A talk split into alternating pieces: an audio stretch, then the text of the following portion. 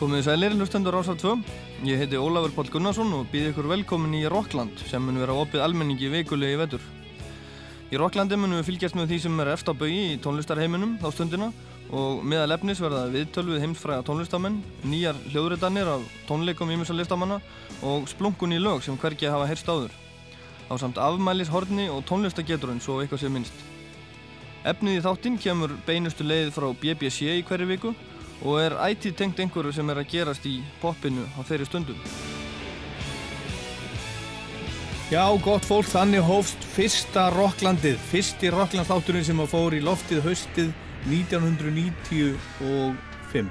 Fyrsti þátturinn, þessi þáttur núna er nummer 1200 í rauðinni og Rockland búið að vera á dagskrá í 25 ár og af því tilumni ætla ég í dag að spila nokkur brot úr gömlum þáttum, ekki endilega brota því besta, þetta er svo ótrúlega uh, mikið allt saman, heldur bara brot, nokkur brot úr gamlum þáttum. Við heyrum í Coldplay, Utangasmönnum, Nick Cave, Brian Wilson, David Bowie, Radiohead, Neil Young, U2, Of Monsters and Men, Iceland Airwaves kemur við sögu, Glastonbury, Deep Purple, Sigur Rós, Flaming Lips, Guðs Guðs og fleirum. Lloyd Cole sem leik fyrir Íslandinga á listaháttið þjórum árið var að senda frá sér nýja plötu. Platan er þriðja soloplata hans og heitir hún Love Story. Hún hefur fengið góðar vittökur gaggrinenda og segja þeir að hún sé svo besta frá dögum fyrir um sveitarhans The Commotions. Commotions var stopnuð í janúar 1984 eftir að Lloyd Cole hitti Blair Cowan á leiðinu á tónleika með Ramones. Í júli það sama ár voru þeir komnir inn á vinsaldalista með lægið Perfect Skin eftir Lloyd og í framhald af því satt fyrsta breyðskifa þeirra Rattlesnakes lengi á breyðskifulistan breyðska.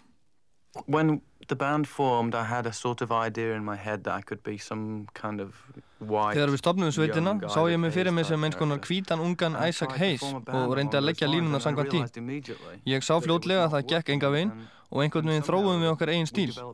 Við fórum okkar leið í lagasmýðum öðru og það er mun skemmtilegra en að gera eins og einhver annar. Því miður eða kannski sem betur fer vorum við að gera aðra hluti en flestir en samt voru sveitir eins og Smiths og Aztec Camera á sveipari leið og við í kringum 83-84. There were groups like uh, the Smiths and Aztec Camera who were doing some not dissimilar stuff at the same time. So there was a, there was a little bit of a movement I think around 83-84. Poppressan kallaði Lloyd til nýja á þessum árum. I, well, I was, in France I've been the new Bob Dylan about five times. Um, í Fraklandi hef ég verið kallaður hinn nýji Bob Dylan um það byrjum fimm sinnum og ég var nýr Lou Reed og nýr Bob Dylan í þó nokkuð tíma um, og ég er ennþá nýr Bob Dylan ef það ég veit. Það var dálítið þreytandi í upphafi að vera sífælt borin sama með aðra en ég held að lögin mín séu líkari lögum Dylans, Lou Reed, Ray Davies og Paul Simon heldur en lögum Baccarat til dæmis. Paul Simon maybe, than it does to, you know, Bacharach and David or somebody.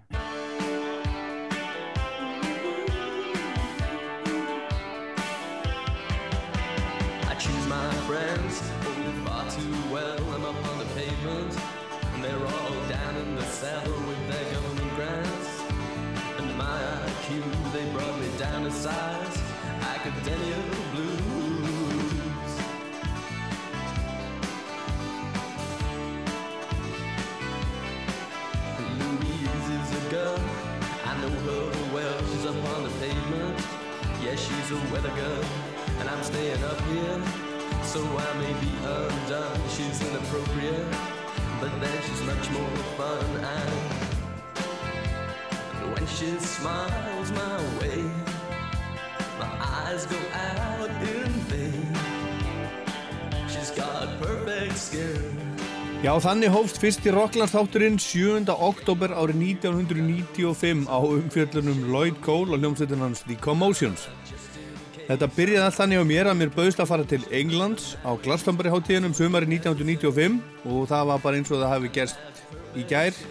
En það er samt langt síðan, það eru 25 ár síðan og ég sá svo mikið af frábæri hljómsveitum og það opnaðist reynilega fyrir mig nýr heimur fullur af frábæri nýri músík sem mér var afskaplega mikið mála fleiri fengið að heyra. Og þeir sem að réðu þá hérna á Rástvö þeir Sigur Ríkja Tómasson og Magnús R. Einarsson ákvaði að gefa mér sjens að vera með vikulegan þátt og hér erum við enn, ég og Rockland en sem sagt, Rockland er búið að vera á dagskrá nær óslitið síðan 1995 og þessi þáttur er nummer 1200 í rauðinni og þætturum í dag ætla ég að týna til eitthvað því sem hefur komið við sögu þennan aldar fjórðung klippa 2000 og eitthvað klukkutíma niður í 100 mínútur eða svo. Everybody, everybody,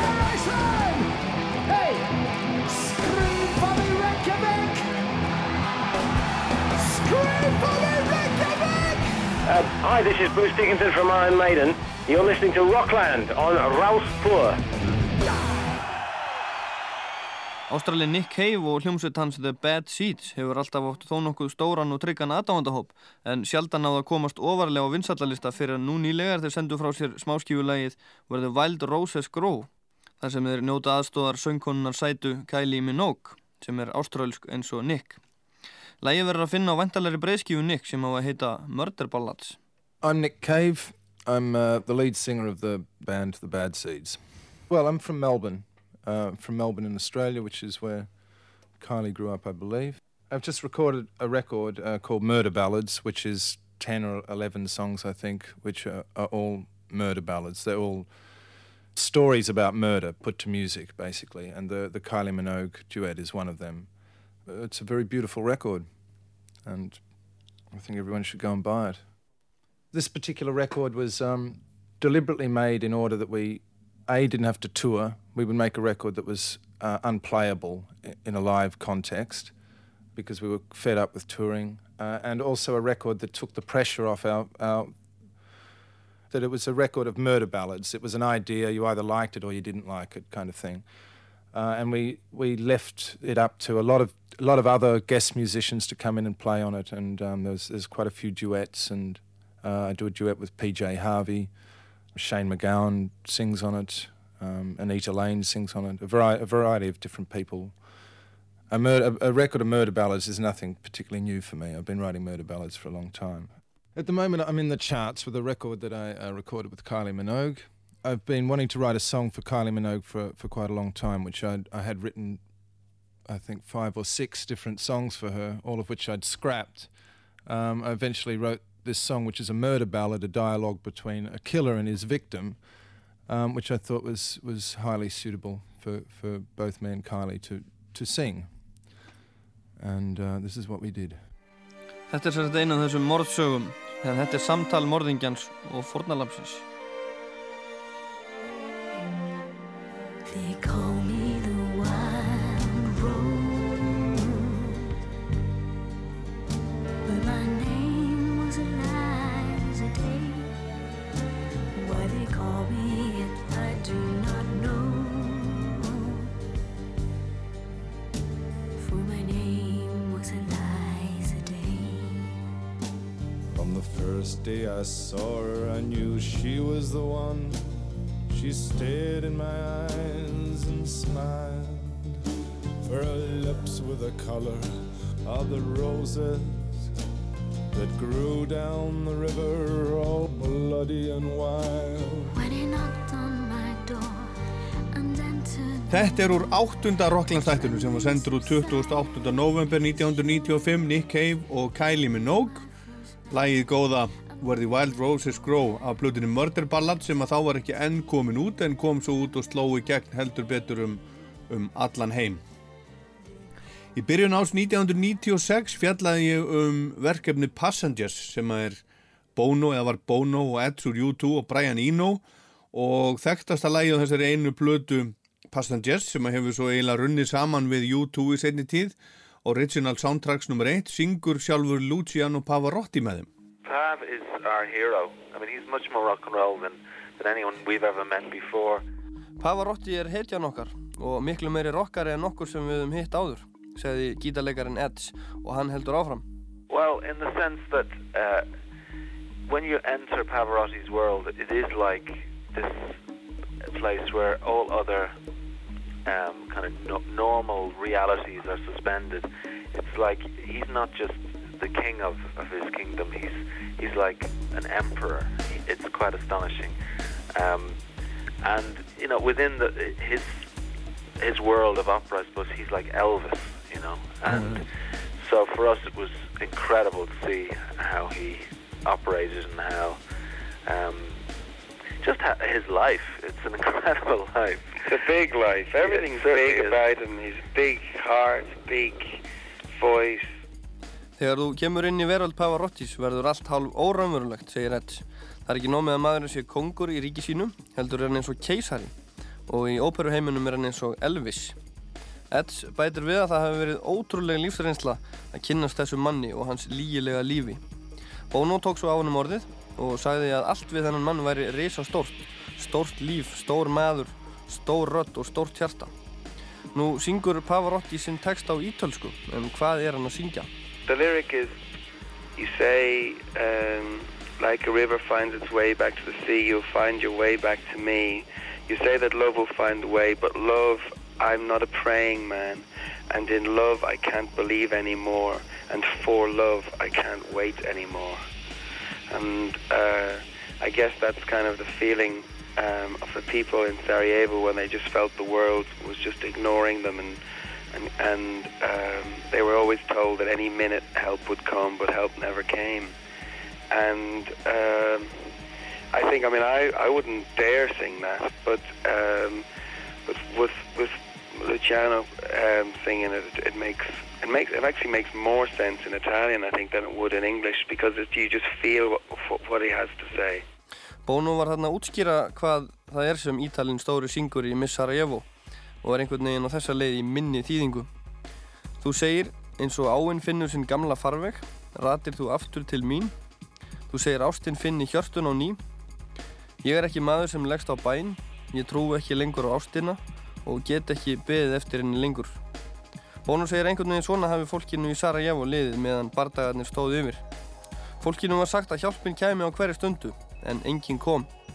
Bono segir líka að hann hef ekki vogað sér að syngja hennan texta sjálfur á ennsku og hann virkir líka einhvern veginn betur á ítalskunni og þó að fólk skilji ekki orðin gera það ekki til því það skinjar hvað hann er að syngja. Uh, Bono syngur á einu stað í læginu Is there a time for East 17? En East 17 er nafn á breskri popljónsveit. Er hann að vitna í þessa hljómsveit? Well, yeah, actually, it was just because in Sarajevo they have this uh, shelter there, which is really just a big disco, and at night they turn up the music, you know, deafening levels to drown out the sound of the shelling, and uh, because all their nerves are shattered, and when they hear a, shell fall, it could be their house, it could be their loved ones, and so they have the music on very loud and. They they play our music there. They play Massive Attack are very popular there, um, and uh, one of the most popular pop groups are E17. So I just you know. Also, it happened to rhyme with Beauty Queen. Oh, there's that as well. Take that, unfortunately, doesn't rhyme. Ed sjáta því að Bono sé að syngja um hljómsveitina East 17 og ástæðin er svo að í einu af neðanjarðabyrgjónum í Sarajevo er stort diskotek sem er opið alla nætur og músík spiluð þar á hæsta styrk svo að fólk heyri ekki í sprengjuregninu fyrir utan á meðan og geti glimt sér í smá stund. Hann segir að taugakerfi fólksins sé allt í mólum og þegar þau heyra sprengju falla, hugsa allir, þessi geti hafa lent á mínu húsi. Þannig að tónlistinni spilu mjög hátt og einn vinsalasta hljómsveitin hjá ungu fólki í Sarajevo er einmitt East 17 og þess vegna komi þetta hljómsveitarnafn fyrir í textanum. Bono skýtur er nýða fyrir tilviljun rýmiða líka við Beauty Queen en Take That til dæmis rýmar ekki við Beauty Queen. En þetta sem við heyrum nú er lægið Miss Sarajevo þar sem Passengers hópurinn skartar óperutröllinu Luciano Pavarotti.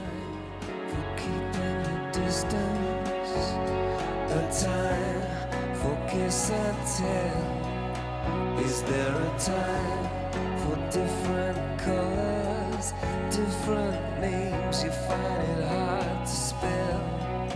Is there a time for first communion? A time for E17? Is there a time to turn to Mecca? Is there time to be a beauty queen? Here she comes.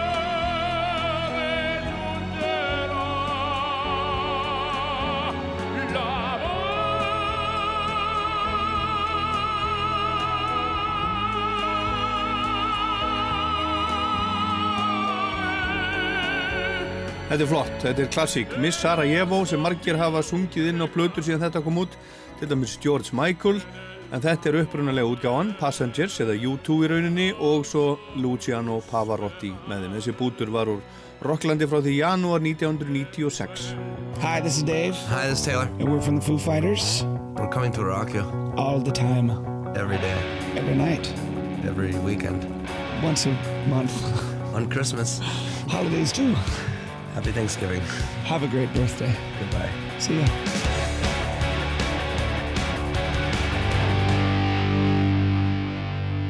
Hljómsveitin of Monsters and Men sló í gegn árið 2012 og hljómsveitin kom í heimsókn í Rockland í september 2012 skömmu eftir að fyrsta platan þeirra My Head is an Animal kom út. Herðu, sæl og, og, og velkominu til hamingju með, með blöðuna. Takk fyrir það. Takk fyrir það.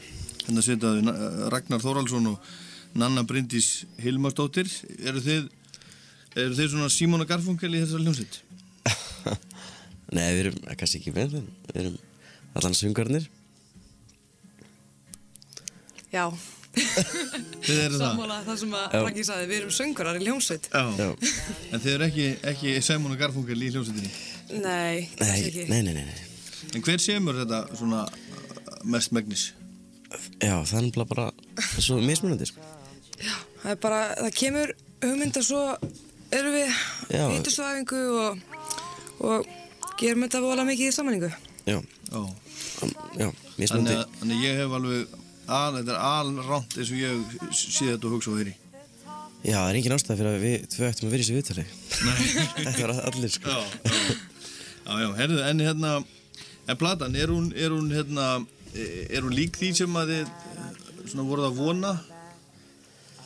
Svo Eh. fyrir, fyrirfram, er hún, er hún svona nálagt, svona, fyrirhugaðri niðurstöðu?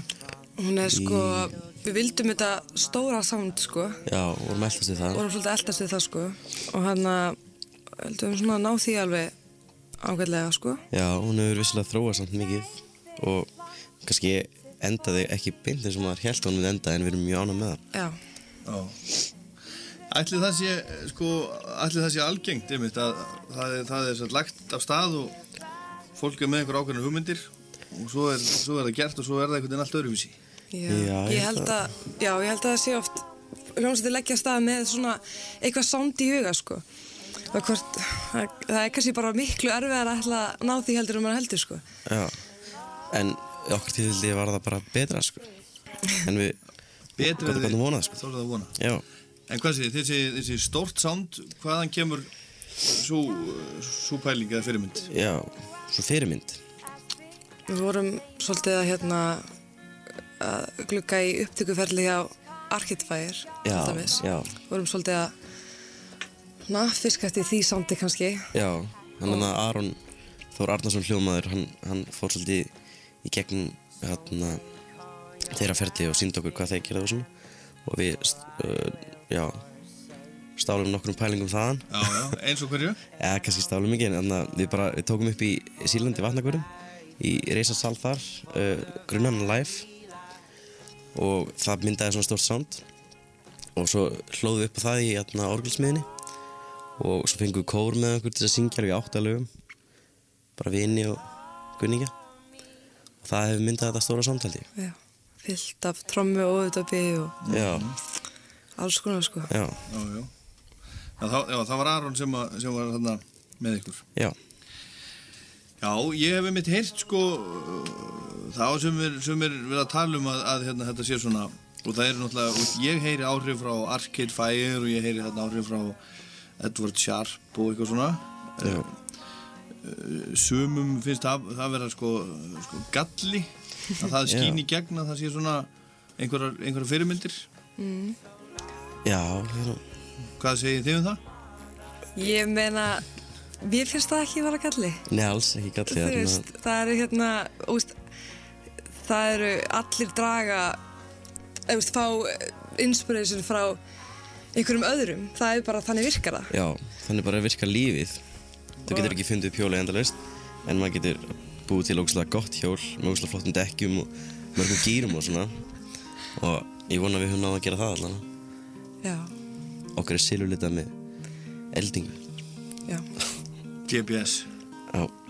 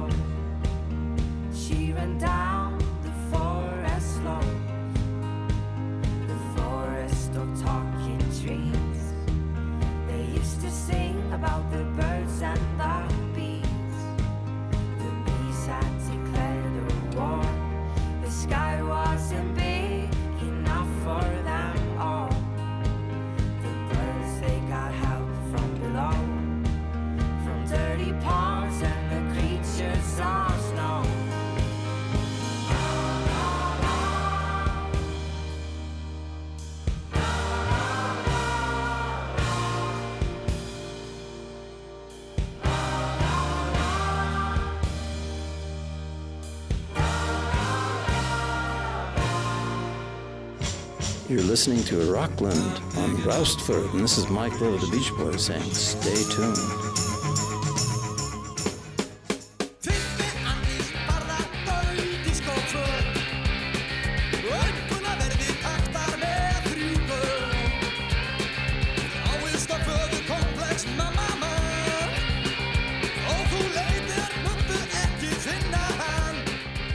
Já, aðalgestir þáttarins í dag eru hinnir einu svannu íslensku utangarðsmenn, ein áhrifamesta ef ekki bara áhrifamesta rocksveit Íslandsugunar. Hún starfaði ekki nema í eitt og hálft ár frá því í mars 1980 til setni hlut ásins 1981 en því líkur tími. Það var spilað út um allt, oft fyrir örfáar hræður, hljómsveitin lendi í slagsmálum út um all land og yfirleitt var það söngvarinn, frontmaðurinn, Bubbi Mortens sem þurfti að klást við slagsmálahundana í bæjónum. En hvert pláss á sinn slagsmálahund á hverjum tíma og svo náttúrulega löndu verið hvort annan líka. Utangasmenn sendi ekki frá sér á ferlinu nema eina stóra blödu, Geislavirkir, sem kom út uh, setjum hlut ásins 1980. En svo kom út líka lítil plata, Rækju Rækji, ein 6 laga 12 tóma 45 snúningar sem fikk titilinn 45 RPM og svo eftir að bandi sprakk í tætlur um hausti 1981 kom út Sapplata sem hefur að geima bæði efni sem hafði komið út á hinnum tveimur sem og lög sem hvergi voru til fyrir. Hún heitir í upphafiskildi Endin skoða. Ég hef lengi gengið með þann draum í maðanum að þessi hljómsveit sem hefur alltaf tíð síðan ég var 11 ára gammal verið mín uppáhald hljómsveit kæmi saman á ný og núna í síðustu viku gerðist það með glæsi brak. Við Hjálmar Hjálmarsson og Eva Maria Jónsdóttir sem hafa umsjón með sjónvartættinum Stutt í spunan áttu sér líka þennan sama draum og tóst með dálitilli fyrir höfn að koma bandinu saman. Við spiluðum í sjónvarsal á 50 daginn og ég brá mér niður eftir til að hitta góðan og rockarana gamlu og leggja fyrir þá nokkrar einfaldar spurningar tengdar hljómsveitinni. Ég byrjaði á að spurja Bubba því hvort hann myndi hvernig þetta utangarsmanna æfintýri byrjaði allt saman. Já, já, upphæði byrjaði kassagerinni. Það er það sem að ég mann. Og Mikki Pollock. Hvernig þetta byrjaði? Það var svolítið langur aðdragandi á þessu. Um, haust 70, já, ég og Danni vorum búin að þekkja Bubba einhver tíma áður en byrja á Ísbjörnablues og við unnum með honum upptöku á Ísbjörnablues frá byrjun til enda. Á meðan það stóði yfir, þá byrja ég og Danni að æfa út í bæ með Magga og Rúnar.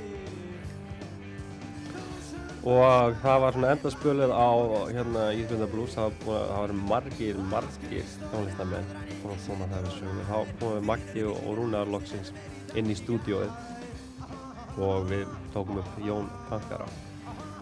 Og um, í mínum huga það er eiginlega að þetta augnablík, þetta point sko sem utangasmenn sem sagt byrtast Og Danni Pollock. Já, það byrjaði í kassagerðinni. Ég og Mikki var að vinna hann og svo Bubbi og ég var að kynna um Bubba og heyrði að hann var að gera svona Dillon-efni og reyna að taka þetta upp á multirósum og allt það. Og ég kynnti Bubba fyrir Mikka og við fórum upp í tóntekni, eða já, ég heit það, og tók þetta bara allt, allt upp á eina kvöldstund. Og svo byrjaði rafmannskítarna að komast inn í þetta og þá var það Ísberðan Blues. Þannig byrjaði þetta. Rúnar Ellingsson bassarleikari segist bara ekki muna neitt. Nei. Jó, eh, byrjaði, já. Þeir... Þetta byrjaði nú allt saman með Ísbjarnablúsi, sem þú veist. Og uh, ég var nú stættur á Ísafirði þegar þeir voru að dunda við þetta í, í stúdíónu. Magnús, við Magnús eh, sóttum eh, um pláss í, hjá, hjá tveimur Amerikonum sem auglýst í dagblæðinu eða einhverju slíku. Auglýst eftir bassa og trommuleikara og Magnús sótt um fyrir mig. Ég var á Ísafirði stættur þá í byggingavinu. Þegar ég kom í bæina þá var búið að ræsa okkur upp í stúdíu og svafa skjess. Og þar byrjaði þetta. Maggi trommari þykist þurra jafn minnislaus og Rúnar gamli félagi hans. Nei. Eða jú, ég man það, en, en hérna, uh, á ég verið að segja frá því, viltu það? Ég bara að fá nei. Það byrjaði eiginlega þannig að, að Mikki og, og Danni og Bubi voru að spila saman í Spjarnarlús og ég var reikinn úr Sinfoníuljónst Íslands og ákvað þá að gefa skít í þetta Sinfoníu pakk og snýri mér að pönginu. Og ég átti leðujakka og það var auglýst eftir nýbylgju áhuga fólki nýbylgju tónlist í dagblæðinu. Ég veist ekkert hvað það var, en ég svaraði samt sem áður. Og þannig byrjaði það. Ég fór í viðtal til þeirra og að því ég var í leðujakka á gallabuxum þá var ég ráðinn. Og líka að því ég átti sko besta vinn sem var hérna bassaleikari. Dóttir ámur hérna eftir, eftir hérna eftir baklætinnar áðan en já, sem sagt, þannig eiginlega byrjaði það. Svo fórum við í heimsók til Bubba í stúdíóið sem hann var að vinna í Ísbjarnarblús og ég man að Rúna sagði við hann hvernig líst þér á gripina og, og hérna meinti þá okkur tvo sko. Bubbi svaraði svona með þjósti að hann einu nú heyri í okkur spila fyrst sko. og þannig að það var úr að við vorum drifnir inn í, í stúdíó og látni spila Jón Pönkara það var fyrsta þetta hans mannlegið það var líka í fyrst skipti sem ég og Rúna spiliðum í stúdíó yfir höfuð sko.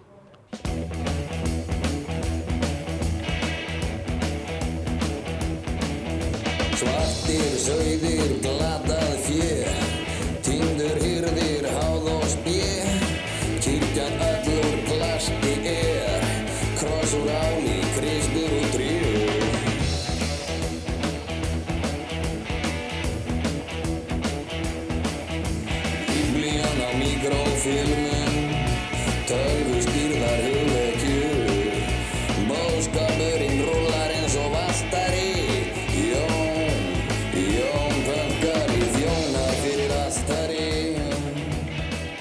svona byrjaði þetta allt saman, Jón Pönkari fyrsta lagi sem utangarsmenn spiluðu inn á band í upphafi árs 1980. Þetta er að finna þetta á fyrstu plötunum Bubba í Spennablósnum sem markaði mikil tímamóti í íslenskri popsögu. Þarna er bara eins og ja, það sem búið að hræra saman Bob Dylan, Clash, Sex Pistols, Rolling Stones og hinn og þessu í íslenskan rock cocktail og þeir komuð svona saman hérna í sjónvarpinu, spiluðu tvö eða þrjú lög svo var lagt á ráðinn og byrjaði að æfa og, og svo fóruð þeir hringin í kringu landið byrjuðu í Neskjöfstað, svo spiluðu þeir á Akureyri.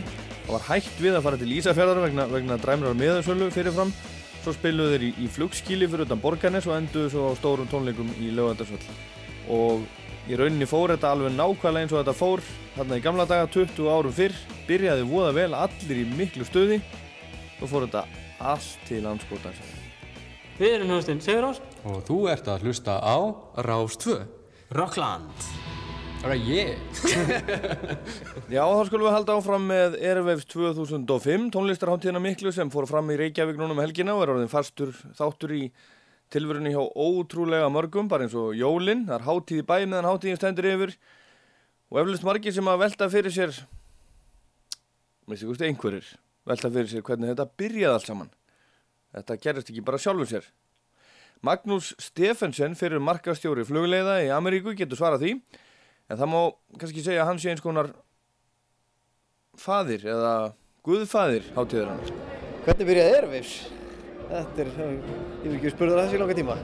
Hérna, það, þetta byrjaði allt saman með, hérna, með því að ég fekk símtal frá manni sem heiti Guðmundur César Magnússon og var umbóðsmaður hljóðastæðanar Dead Sea Apple á sín tíma.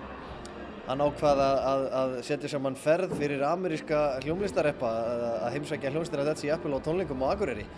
Og þar uh, ringdi Timmin og bað mig um að aðstofa sig uh, til þess að, að hérna, koma þessum mönnum til landsins. Og hérna, sem ég og gerði þarna voru fulltrúar frá Elektra og EMI og fleiri hérna, útgefiðum um, nokkru mánuðum eftir þessa ferð sem tókst með miklum, uh, já, já, bara með mikilli príði, þá uh, hringdi til við maður sem heitir Harry Polliner sem er uh, og var hjá EMI Music Publishing og við ákvaðum að endurtaka leikinn en gera þetta fyrir allar hljómsveitir á Íslandi en ekki bara einhver eina.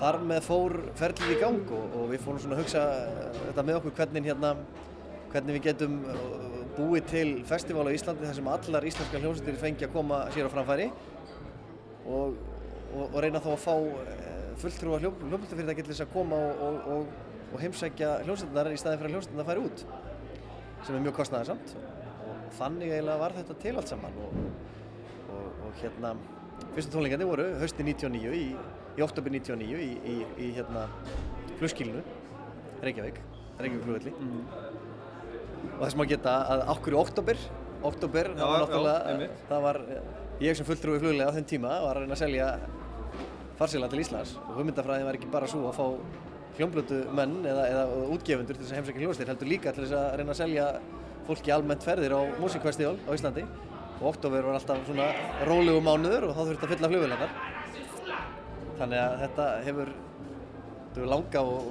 og djúpa sögu mikil pæling á baku þetta Já, þetta hefur heldur betur gengið. Það voru, það voru bara fjóra hljómsveitir sem að, að spiluðu á fyrstu átíðinni. Hárrétt, fyrsta, fyrsta árið. Hérna, ég náttúrulega verð nú að viðkynna það að ég hafði svo sem ekkert ofsalega kunnáttu í hvernig átt að setja upp tónleika faktískt séð með hljómkerfi og annað en þannig að ég ringdi í góðvinn minn Baldur Stefánsson sem var uh, á þeim tíma umbósmaður hljómsveitarnar Guskus.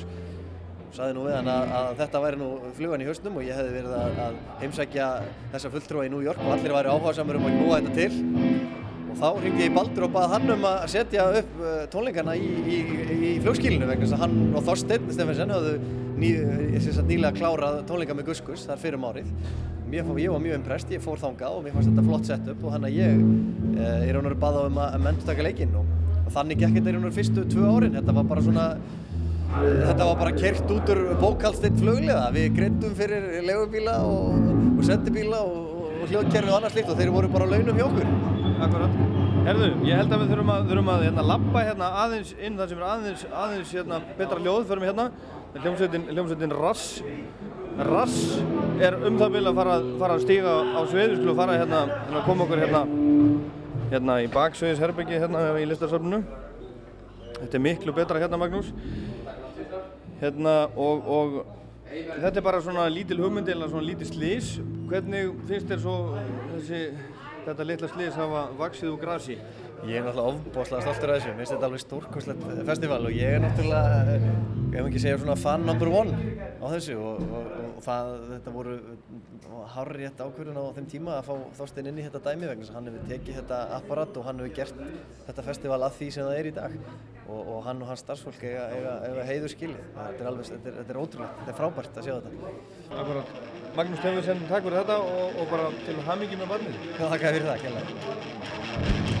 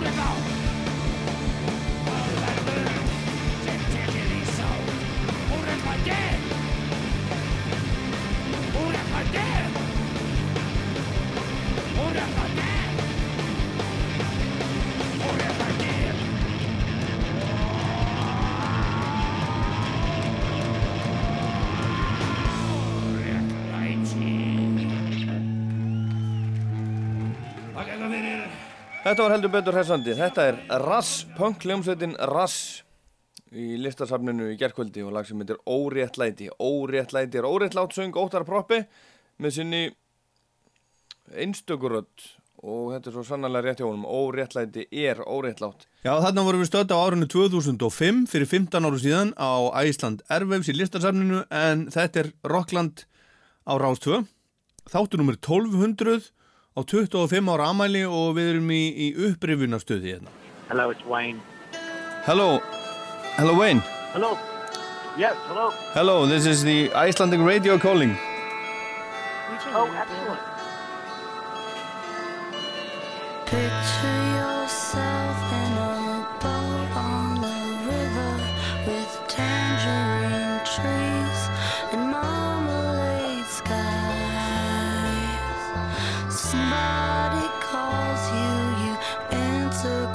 slow.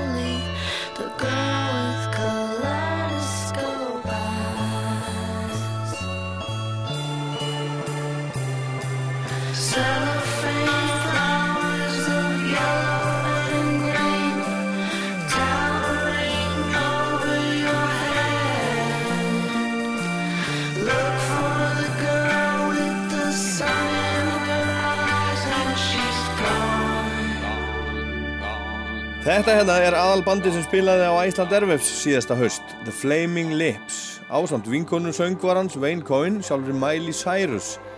En þau eru miklir vinir og brölluð eitt og annað saman á árinu sem að var að líða, sumt súrara en annað og þetta er skemmtilega súrt.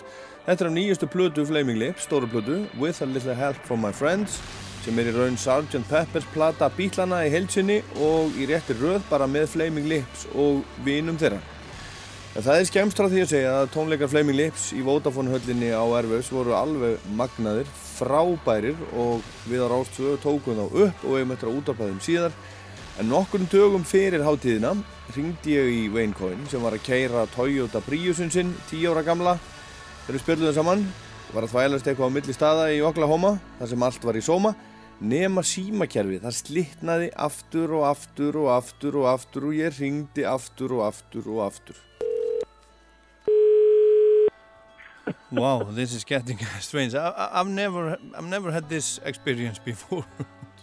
I've never, it, it's never happened, happened, and I think it's not, well, not the I've studio. got my I've got my brand new iPhone 6. Oh, it's that. like- it's yeah. that. It's that. It's not. Uh, you're not able to speak except for five minutes per call.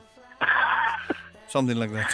That- Maybe that, it could be that. It seems like it's that, doesn't it? Yeah. Yeah. Yes, we were um, talking about uh, Seguros. Yeah, I've seen them like five or six times. Yeah, they're they're they're, they're marvelous. I mean, sure, there's other uh, groups in Iceland. There's Mm-hmm. those are the ones that I, I remember being from Iceland. There's probably others Yeah, that yeah, I'm yeah, yeah. not aware of. Yeah, yeah. And if I would ask, do you know, do you have have um, an advice for young Icelandic musicians that that want to make music and play for as many people as possible, or you know, just travel the world like like you have done and play music for people? Well, I mean, I think you really just have to do it because you love music. I mean, all the things that come with it. If you don't absolutely, absolutely love music, you wouldn't want to do it because it's horrible. And, you know, there's so much traveling, there's so many things about it that you wouldn't like. Um, that yeah, you can't do it for anything other than the love of the love of it. You know, so. And then now that the people aren't very famous and you can't make any money, I think that that must help. That you're like, well, you have to do it just because you love music. Mm-hmm. There would be no other, you know. And if you if you love to do it, no one can stop you. And if you don't love doing it, everything will stop you. So, you know, it's just that's just the mark of of how the world works. Ég spurði hann Wayne Coyne hvort hann hefði heilræði fyrir unga íslenska tónlistamenn sem langaði að feta í hans fótspor og hann sagði Fólk verður að hafa gríðarlegan áhuga á músík ef það ætlar að vera í þessu, þetta er ekki möguleik öðruvísi. Það eru yfirleitt ekki miklir peningar í þessu, þetta er erfitt, það er margt leiðilegt við þetta, öll ferðalögin og allt það. Þannig að ef að fólk elskar tónlist en ekki skilrislaust þá er þetta ekki möguleiki. Ef hjartað er með í þessu, er ekkert sem stoppar þig, en ef hjartað vantar, þá kemstu ekkert áfram.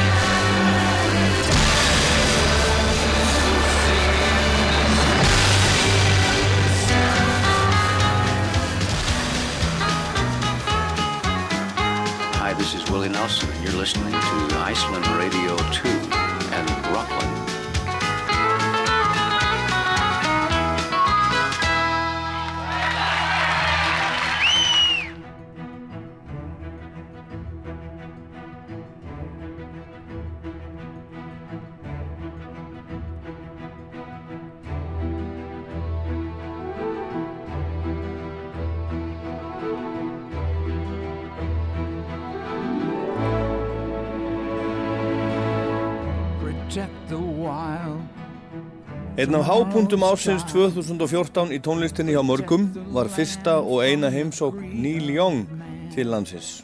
En hann spilaði á samtljómsveitinni sinni Crazy Horse í lögatarsvöllinni í júli og ég fekk tækifæri til að spjalla aðeins við hann og var frekar stressaður eins og heyrist líklega. Okay, Mr. Young, really nice to see you here finally. Why has it uh, taken so long? It's my manager's fault. I don't, you know, I play where they send me. Yeah, it's just simple as that. Pretty much, you know. I'm really happy to be here. Yeah, good to hear. Yeah, no, I'm happy to be here. It's great to be here. I love playing places I've never played before. Yeah. I love playing places I've never played before. And and do you still, after all those years, do you still like you know traveling and playing live, or is it you just No, I do. Yes, I do. It's not old. I'm only I am old. Music is not. Yeah. And you are from Winnipeg. There's a lot of people from this country that, that moved there, uh, you know, like 100 years ago. Oh yeah, when the big cloud came. Is there any Icelandic blood in your veins? I don't know. And no one to ask? Nothing. No one c- can prove it either way. No. No. Some people here, they have been, uh, you know, wondering about this for a long time, if there is some Icelandic blood in this. Well, we'll find out. Yeah. Let's see what happens. Have you had time to uh, look around you? Oh yeah, it's beautiful. We, uh, yeah, no, I've been out and, and seen mostly the country, you know, and I went to the, I went to the, uh, to the Blue Lagoon a couple of times. Yeah, a couple of times. Yeah. So it's not just once.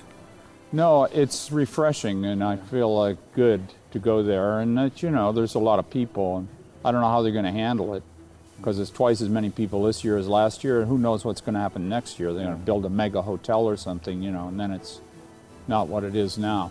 Mm. So this is a beautiful thing for now, and especially a couple of years ago, it was really great. So those people who went a couple of years ago, they got to see something because it was more peaceful. Now it's, you know, many buses and everything, but that's success for you. It has a lot of sides. But anyway, I'm very happy to be here, and uh, we've enjoyed ourselves greatly, and um, it's been very nice meeting the Icelandic people, and everybody appears to be very happy and healthy, and everything's very clean, and it's beautiful. I wish the rest of the planet was as clean and as beautiful as Iceland. We're very fortunate to be uh, living in a place that is almost pristine. I only saw one industrial plant on the whole place and making aluminum or something, and I, I you know, thought there's nothing wrong with making aluminum, but it's really nice to see a pure representation of what Mother Earth is capable of. Or you can drink the water out of faucets, and uh, the heating and the and the uh, electricity is supplied mostly by a renewable force, which is a beautiful thing to see. If the rest of Earth could, could figure that out, it would certainly be good for the planet. So congratulations to Iceland for leading the way. Takka þér kæri Níl fyrir þessi falli orð og þetta er gott að hafa í huga.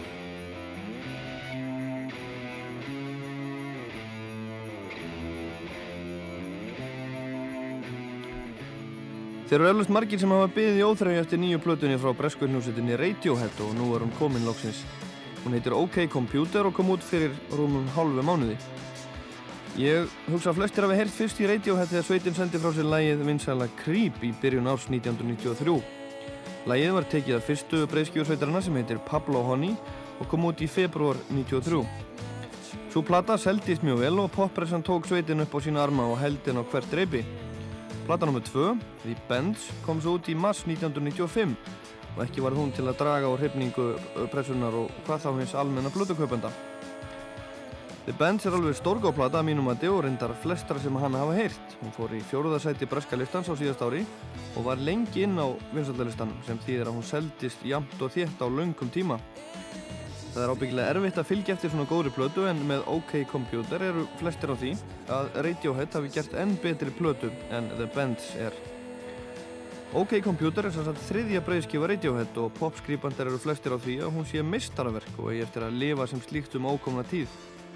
Það er alltaf erfitt að segja til um slíkt svona fyrirfram en þessi plata er allavega vel þessi veriði að eiga hana. Það er að segja fyrir þá sem hafa gaman að svona dálítið þunglindislegu gítar-pop-rocki.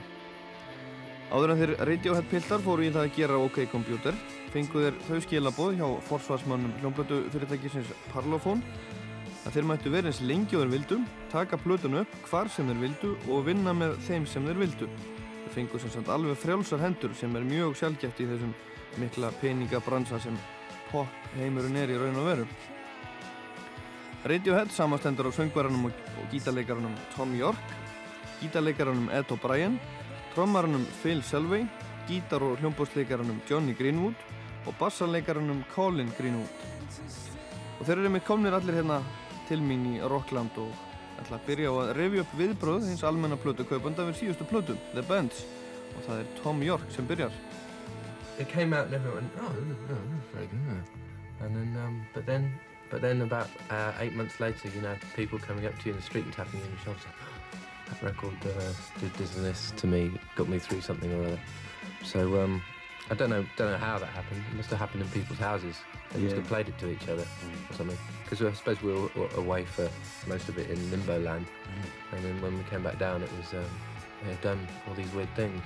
Þegar The Bands kom út fekk hún ekkert allt og góðar viðtökur til að byrja með en nokkru mánuðu setna fór fólk að klappa þeim félagunum á öxlina út um allt og sagði þeim að platan hefði hjálpað í, í gegnum allskins erfinleika og ég veit ekki hvað og hvað. En allavega, fólk hlustaði á plötuna og varð hrifið. The Bands kom út í miðju Britpop fárinu í byrjun árs 1995 en passaði ekki alveg inn í þann geira. Yeah, I suppose, I suppose it didn't. Um, I mean, it wasn't any in any way a conscious decision, but it was just. Um, I think that the Britpop thing was. Um, I can't remember. I could, who was who was it? It was a couple of bands, wasn't it? Really. Já, Tom segist ekki alveg muna hvaða hljómsveitir hafi verið bendlaðar við hugtakið Britpop. En það voru náttúrulega sveitir eins og Oasis, Blur, Pulp, Sleeper og fleiri. No, that's fair enough. Yeah. When it was around, I kind of felt like we were right in the middle of it. Actually, sort of. It felt like we were part of it. Já, Tom segir að sér að fundist á þeim tíma Radiohead vera partur af þessum Britpop hópi. Hann segir líka að það hafi komið hljómsveitinni dálit og óvart hversu vel fólk tók The Bands. You know, we we were with everybody else on that. Really, I think um, it only sort of happened in retrospect. I think when we actually physically put the record together after working on it for however long it was, we were surprised that it worked. You know, it was one of those. It had just been such a sort of sprawling ordeal. And the weird thing is we have the same thing with this record actually. It's sort of, we finish it and it's like, we're still waiting for the dust to settle. So we don't know any more than anybody else, which is a really odd situation to be in. Já, Tom segir að þeir hafa ekki haft hugmynd um það hvernig fólk myndi taka The Bands þegar hún kom út. Þeir strákarnir voru búin að vinna henni mjög lengi og mikið og þegar hún loksins var tilbúin höfðu þeir enga yfir sín á plötuna. Þeir voru bara hálfur rugglaðar eftir allt stritið. Það var mikil þrekur hann að gera plötuna og sömu sögur að segja um nýju plötuna, OK Computer. Nú er ekkert annað fyrir hljómsveitin að gera en að láta tíman líða og þá fyrst kemur í ljós hversu vel þeim hefur tekist upp.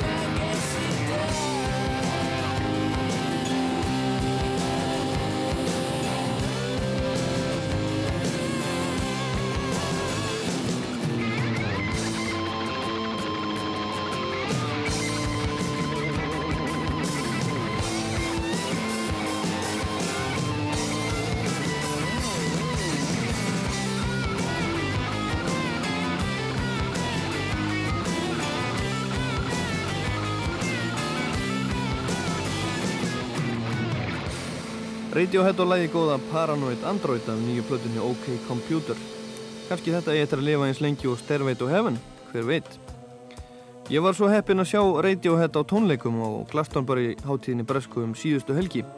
Sveitin var headline eins og við segjum á aðalsviði hátíðarinnar lögataskvöldi 28. júni og ég get ekki sagt annað en að það var mikil og skemmtileg upplifun eins og reyndar hátíðin öll. En ég segi ykkur betur frá henni síðar. Sem ég er auðvitað löngu búin að gera, þetta var árið 1997 en nú er 2020, Rockland 25 ára og þetta er þáttur nummer 1200. Höldum áfram hérna eftir smástund.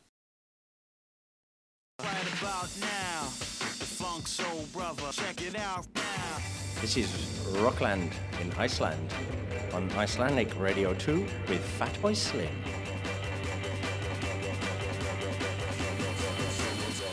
Já, þá höldum við áfram með Rockland, þátt nummer 1200 á 25 ára amalinu. Við höfum eftir að heyra í Mick Jones úr Klass, Coldplay, Gus Gus, Deep Purple, Sigur Rós og fleirum og Björk. Tónlistamenn hafi gegnum tíðina margir talað um að það sem þeir séu sjálfur að upplifa á sviðinu á tónleikum séu oft allt annað en það sem áhorfendur upplifa á sama tíma út í sall.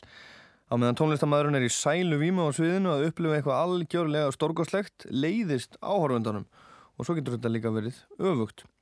Ég spurði Björk hvort hún hefði fundið verið þessu að hafa upplifað eitthvað stórkostlegt móment á sviðinu en heyrt svo upptökuna frá tónleikonum setna og heyrt á eitthvað allt annað. Já, það er mjög góði punktur því að það er svona bæði og stundum þegar maður næri einhvern svona hápunkti á tónleikum sem að maður er alveg bara búin að gera fimm tónleika sem maður fannst ömulegir svo gerir maður eitthvað eina tónleika og eitthvað eitt lag og maður bara svona vei 10-0, þú veist og svo fer maður heim og hlustar á og þá var það ömulegt, skiljur en þá er það eitthvað sem bara var þú veist, þú veist ég veit ekki hvað maður þýða, you had to be there þú veist, það var bara eitthvað hérna þar á staðinum en svo stundum er það okkur þannig. Og, og stundum upplýði ég eitthvað rosalega sérstakt sem að sko, fólkið árundur upplýði ekki neitt. En svo þegar maður kom heim og gæti miksaða þannig að maður ítti kannski vel undir hörpuna og stutti eitthvað þarna þá kom það fram sko. Þannig að þá er einmitt mjög gott að gera það sko að, að fara að skoða svolítið efni þegar maður er nýbúin að gera það. Því að þá mann maður eitthvað svona sem er mjög svona viðkvamt og ósynilegt sem að ef maður myndir hlusta á það fimm ára setna að maður er búin að stengleima því Mm. Og líka þegar maður er að hlusta á sama lægið aft, þú veist, í sex mánuðum maður er bara svona, heyrðu, ég er nú búin að, búin að nóa þessu lægi þá maður eirun á maður hægt að heyra svona viðkvama núansa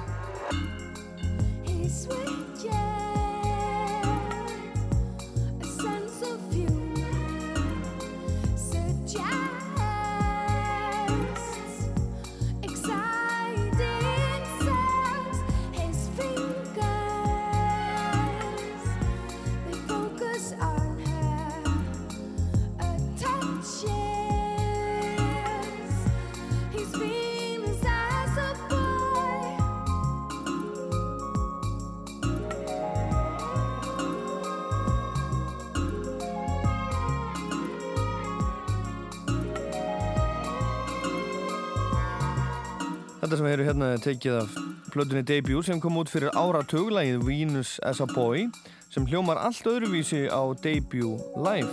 Já, mér, ég reyndi ofta að gera þessa útgáfi eins og plötunni á, tón, á tónleikum. Mér fannst það einhvern veginn þetta var eina lægið sem að virkaði ekki og ég slefti því alveg bara svona markvist af öllum, öllum túrunum mínum, eða flestum. Og það var ekki fyrir en að ég gerði útgáfi með með Guy Sigsworth þar sem hann spilaði á hapsikort og ég söng. Og hún var svona miklu meira svona lyrikal, eða svona ljóðræn, svona formlaus. Þegar ég þegar mér fannst það svona skila sér. Og kannski að þetta lag var alltaf svolítið svona mikið lítið sætt, svona erotist ljóð frekar en akkurat svona lag, lag. Og, og hérna er útkoman. His witches, sense of humor suggests exciting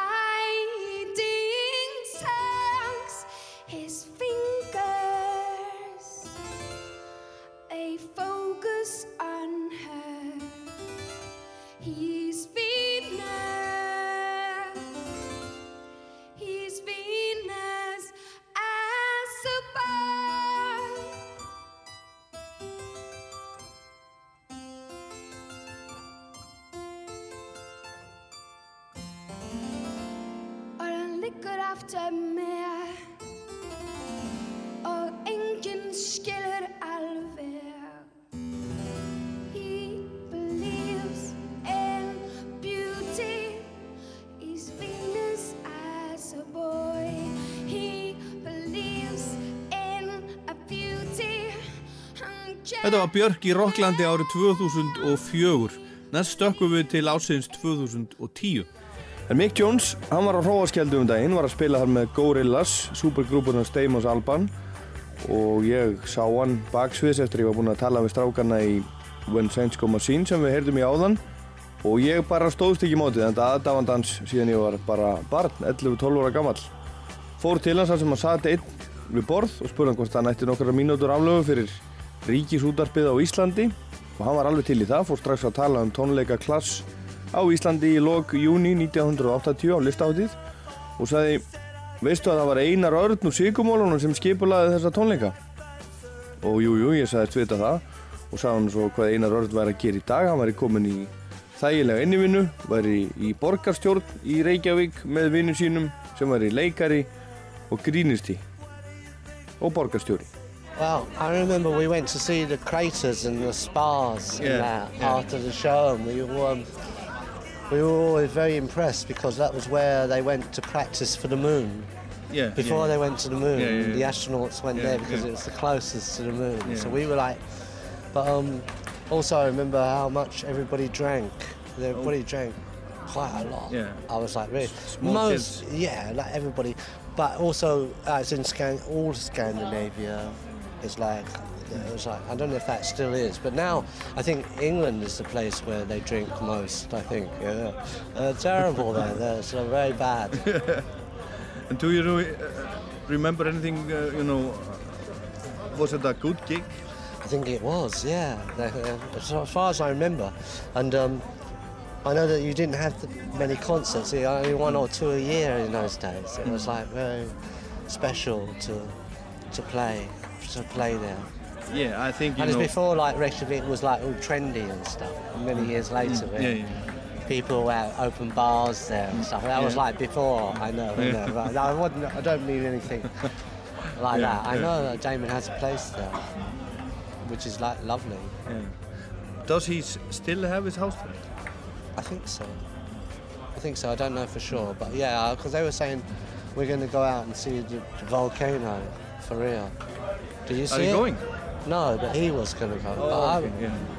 Have you seen it for real? No, I didn't see it. Mick Jones sagðist muna vel eftir tónleikunum í Reykjavík og eftir tónleikana fór hljómsveitin ásand fylgdaliði eins og það er kallað í bíltúr eða fyrir eða eftir, eflust til að sjá Gullfoss og Geysi eitthvað svo leiðis og þeim hefur þótt magnað að fara að sjá hvar fyrsta geimgangan var undirbúinn en nú er hann hugsaðlega eitthvað að misminna ruggla vegna þess að Neil Armstrong og félagar komið hingað tvísvar í undirbúninu fyrir túnlgönguna 69 árið 1965 og 67 og voru aðalega í öskju við Mývatn og ég efast um að klass hafi skotist þangað í bíltúr fyrir þetta gig. En geimfæranir voru reynda líka eitthvað í veiðivötnum og það er kringu það má svo sem vel verða að klassmenn hafi fengið bíltúr eitthvað þangað upp eftir, landmannalaugar eða eitthvað svo leiðis. Og svo er nú líka bara talsverð tunglstemning á leiðinni út á Keflavíkurflugvöll og tilbaka og hann í bláa lónið. Það var nú ekki, á þessum tíma var bláa lónið nú ekki svona flott eins og þeir í dag en það má vel verða að það hafi farið, farið þangað líka. Þekkið það ekki, einhverju vita það sem voru hérna, hérna með þeim. Og allt gerðist þetta svo lungu áður en Ísland varð hipp og cool og áður en menn fóru að eignast bari á Íslandi og þegar hann sagði þetta þá, á, á Damon sem stóð þarna skamt frá og var að spila bortennis við einhvern úr Gorillaz-bandinu. En þetta voru góðir tónleikar hérna í Reykjavík, það var vel tekið á mótið en það voru ekki margar erlendar stóra hljómsveitir sem að komu til Íslands á þessum tíma. En hann man vel eftir því hvað margir voru fullir, ungir krakkar, alveg blek. Og þetta voru svona krakkar á aldrunum kannski 15-16 upp í 20 aðalega sem að mættu. Og 3500 manns cirka. Og mig sagðist halda að, að Damon ætti ennþá húsið sitt í Gráhóinum, hann hafði myndur að tala um það fyrir skemmstu að fara til Íslands og sjá eldfjallið, Eyjafjallajökul og ég var að játa það fyrir mig að ég hafði ekki farið að sjá ummerki góðsins en það spurði mig en ég sagði honum að nákvæmlega þetta sama kvöld og við vorum að spjalla saman 15. kvöldi 1. júli hafi átt að vera tónleikar, stórir tónleikar út í sveit til að veikja aðtikli á Íslandi svona auka ferðamannaströmm og svona sendir út á netinu Iceland Inspires en veðrið hafi verið svo glatað að tónleikarnir hefði verið færðir til Reykjavíkur. But I think all these things are, are connected, even like, um, because like you remember when the tsunami happened, hmm. and then like months later in other places there would be hmm. like extreme weather things, and it's like there's one Earth's core, there's hmm. only one, and if something shifts somewhere, then it affects the other part. You know, it's all connected. Even the pressure to make a gas explosion of the oil spill. Yeah. So it was just frightening because that that's supposed to be bigger than New York, that oil spill. Yeah, In it's fact, terrible. Yeah. Like very much like the Gorillaz album was very cloud Yeah, of yeah, yeah, yeah, unknowing yeah, and uh, yeah. plastic beach and it's all very eco-conscious, you know, which I like. Þetta tengist allt saman, allt sem gerist á jörðinni vegna þess að það er bara einn kjarni jarðar og jarðskjáltar, eldgós, gas, sprengingar einhver staðar og ólíulengi, þetta hangir alltaf sömu spýtinni og er nátengt. Og hann hefur áhuga á þessu öllu, hann Mick og umhverfismálum og Gorillaz plata nýja, Plastic Beats, fjallar einmitt talsvert um akkurat þau mál.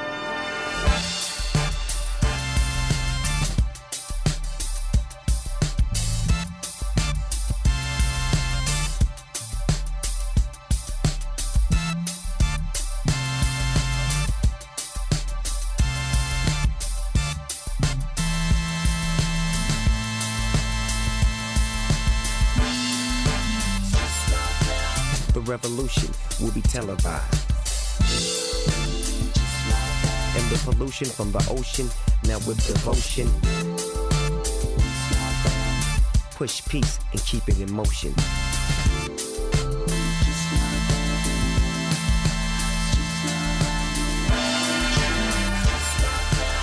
Kids gather around, yeah, I need your focus.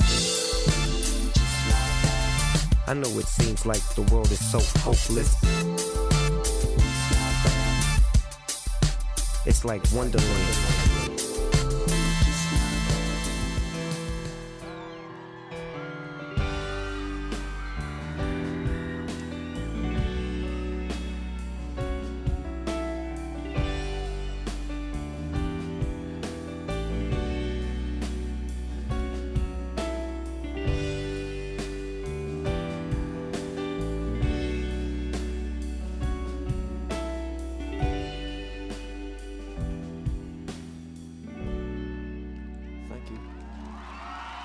Coldplay í laugardalsvöllinni í Reykjavík í ágúst og lagið Trouble.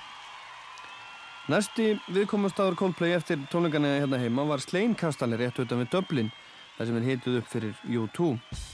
Ég var þar á samt næstum 400 öðrum Íslandingum og 100.000 öðrum og getur vitnað á það að þeir Coldplay drengir stóðu sig frábælega og þeim var mjög vel tekið. En um U2 hafði Chris söngveri þetta að segja þegar ég spjallaði við hérna heima. Well, you two, I, I mean, I, if there's one band that I just respect above all other bands, and one band who I take as a benchmark and who, who I won't be satisfied until we've done what they've done, you know, and more or whatever, or done the same level of quality for such a good, consistent time.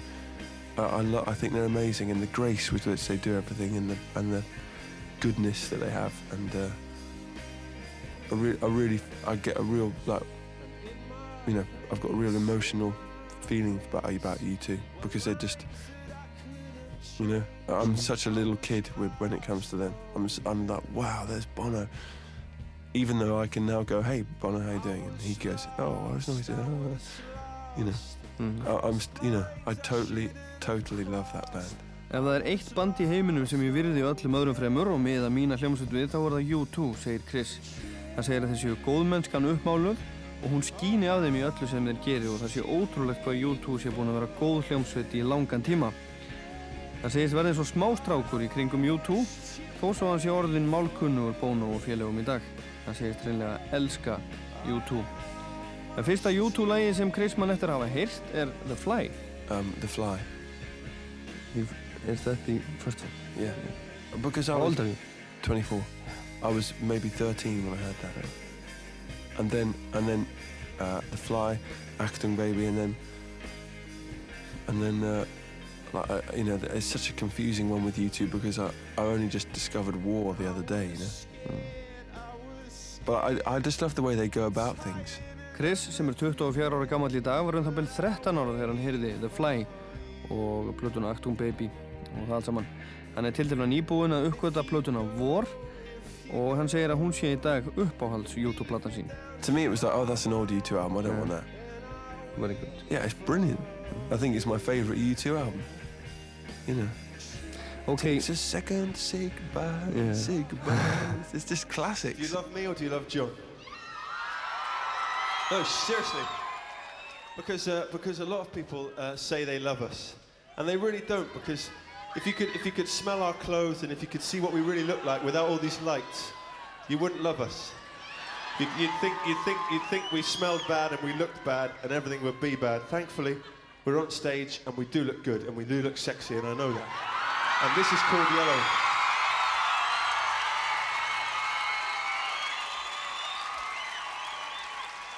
And this is uh, written about. Um, no, it wasn't. There's, there's many, there's many, uh, there's many stories and many rumours about what this song is actually about. You know, some say it's about Icelandic girls. Other people say it's not about that. And we just say it's called Yellow, and we hope we like it. And uh,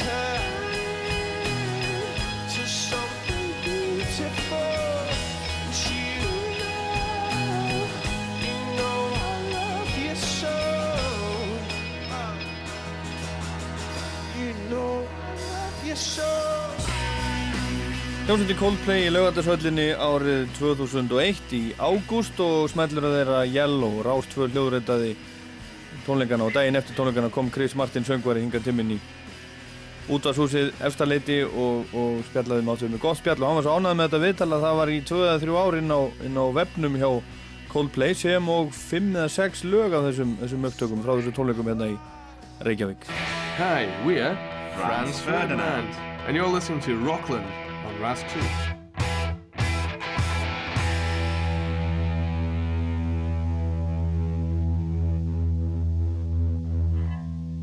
Guðskus var eina íslenska hljómsveitin sem spilaði á Glastonbury í ár. Guðskus spilaði í danstjaldinu svo kallað á föstudeginum klukkan hálf nýjum kvöldi sem er ansi góðu tími. Þetta gengur þannig fyrir sig að minnstu böndin byrja rétt um með eftir háti og svo verða þau alltaf stærri og stærri eða frægari og frægari eftir því sem líður á daginn.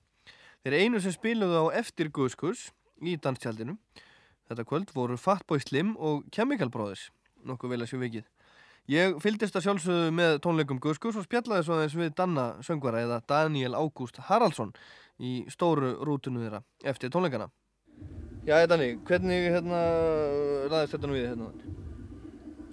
Þetta var helviti bratt fyrst en þegar við vorum komin upp upp, á hæðina þá var þetta bara bara húrrandi skemmtilegt Já, ég hef nú ekki, ég held ég hef ekki séð ykkur nema tvísvar, ég sá okkur síðast á Pop í Reykjavík og um, ég kannast nú ekki við sjóið, uh, þetta er svolítið, þetta var, þetta var uh, mjög mikið öðruvísi kvöld varst mér. Já, þetta var mjög öðruvísi vegna þess að við tókum allt annað lög og líka því að það sást þú að lítið í sjónrænu hliðina á þessu sem er mjög stór hluti af sýningunni. Þegar við erum að spila í tjaldi þegar það er ekki alveg orðið dimmt þegar það er ennþá dagsljós sem að, sem að smiglast inn í tjaldið þá er mjög erfitt að, að, að ráða við það sko. Og það er mjög erfitt að, sína, sí, sína, sína okkar svona s- já, sína okkur eins og við erum alveg sko gjörsamlega. En, en uh, músíki var góð og, og áhörundur og voru bara með á nótunum held ég. Já, það var, mikilvægt verið þarna 10.000 manns, er það ekki bara nokkuð gott? Jú, við höfum aldrei spilað fyrir svona marga áður. Það var- rosa fínt. Já, þið hafið aldrei spilað fyrir svona marga? Nei.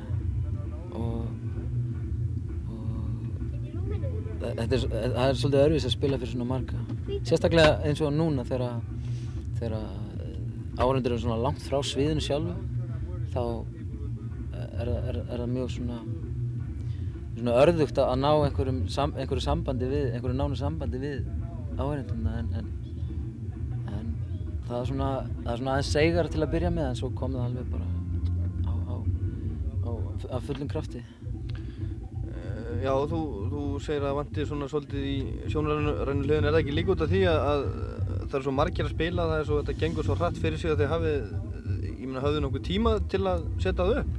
Maður setur jú, við höfum alveg tíma til að setja upp sko, en, en maður setur ekki upp kröfur nema maður sé að, að, að, að hérna, nema maður sé efst á lista það, sagt, á þeim stað sem við erum að spila á sko. og þannig vorum við að spila á undan Fatboy Slim og eftir koma Chemical, Chemical Brothers og þeir náttúrulega stærstu atriðin og þeir þeir ráða öllu hvað varðar sest, aðstöðu og, eða þeir ráða meir um það heldur við allavega þannig að ef við hefðum verið að, að, að spila síðastir í kvöld þá hefðum við öruglega þá hefðum við öruglega hérna, haft meir um það að segja hvernig, hvernig sjónurinn hliðin hefði komið út sko.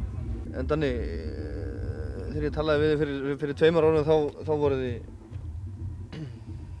kannski leiðileg spurning, þá voru þið níu, ég sá bara sex á sviðinu í kvöld. Já, við hefum nú yfirleitt verið bara sjö á sviðinu Baldur hefur náttúrulega ekki verið á sviðinu og, og Maggi Lego er ekkert að, að ferðast með okkur á þessum tónleikaferðalögum og er, yfir, yfir, tekur yfirleitt ekki þátt í tónleikaprógraminu.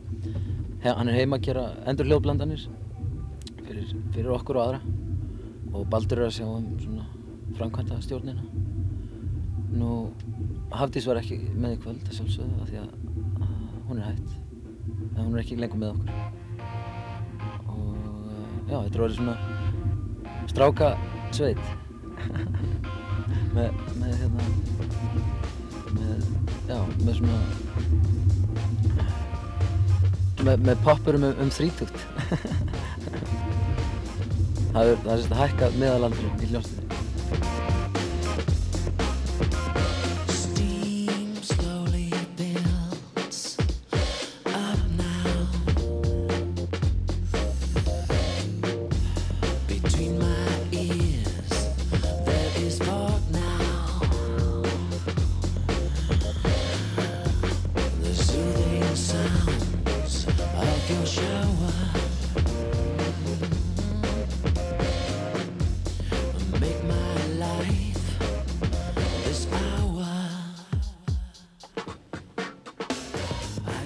Guðs og eitt þeirra þekktasta lag, Daniel Ágúst syngur hérna Lady Shave og áður heyrðum við viðtal sem ég tók við Daniel Ágúst á Glastonbury 1999 This is JJ Benno from the Stranglers on Rockland, and you on Radio Rock. Wow, no, ah, fuck. Draft Twerk.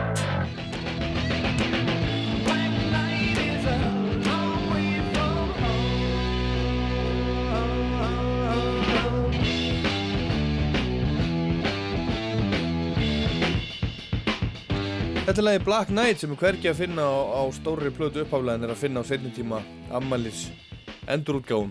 Þetta kom út á smáskífu í oktober 1970 en það fylgd tveimu mánuðum eftir að fyrsta stóra plata nýju útgáfunar á sveitinu kom út. Platan In Rock sem hefur að geima smelli eins og Speed King, Into the Fire og Child in Time.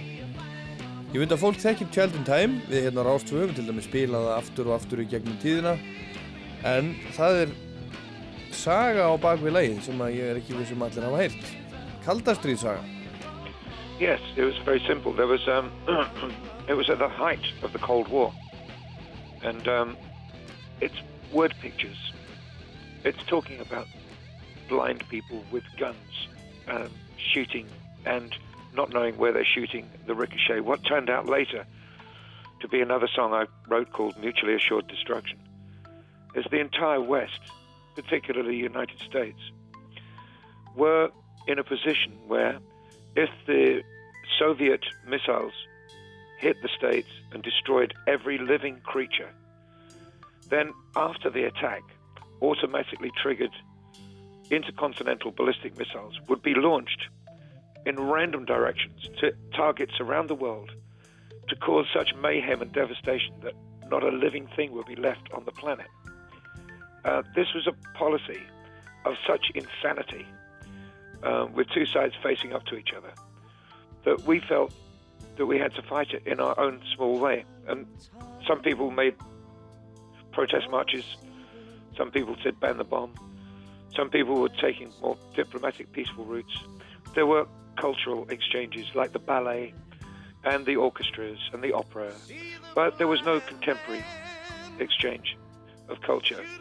So this song, together with all the other stuff on Deep Purple and Rock, was actually banned in the Soviet Union.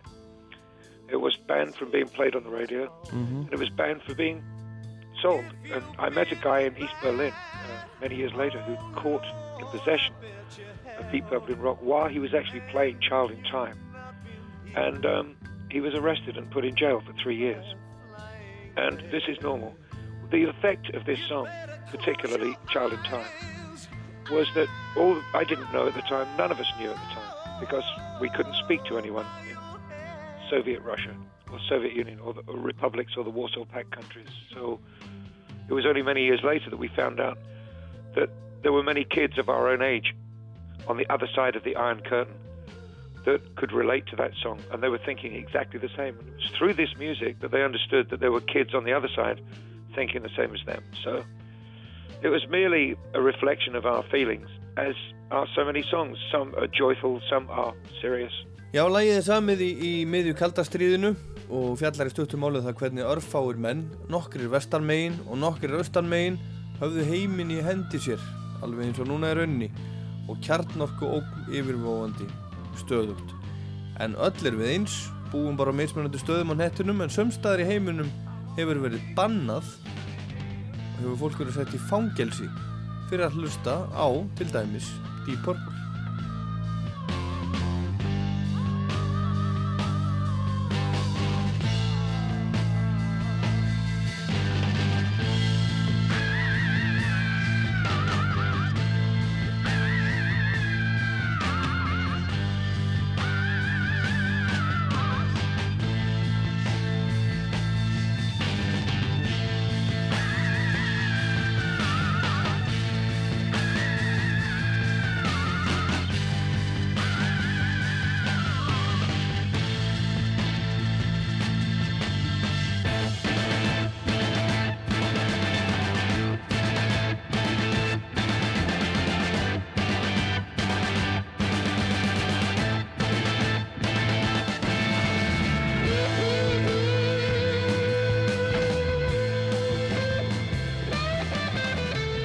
Já, Child in Time, einn af horfsteinum rocksögunar Ég spjallaði við Ian Gillan, söngvara sveitarinnar í síma rétt áður en að sveitin kom og spilaði í Laugardalshöll í september 2005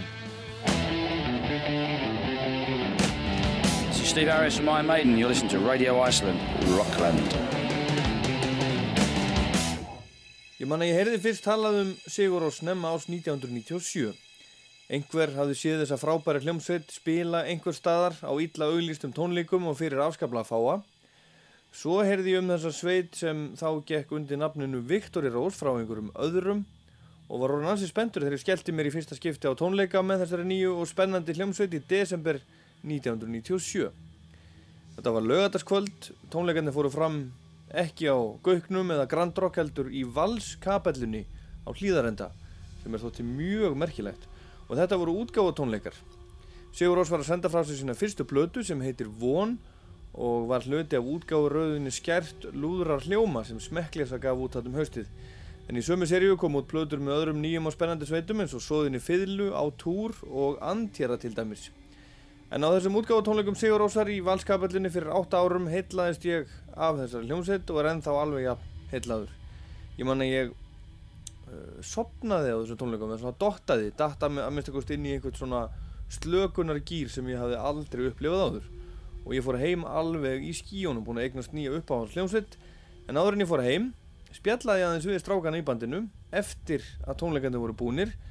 En þá var Sigur Rós tríó skipað þeim Georg Holm bassaleikara Ágústi Ævari Gunnarssoni trommara og Jónsa sem söng og spilaði gítar.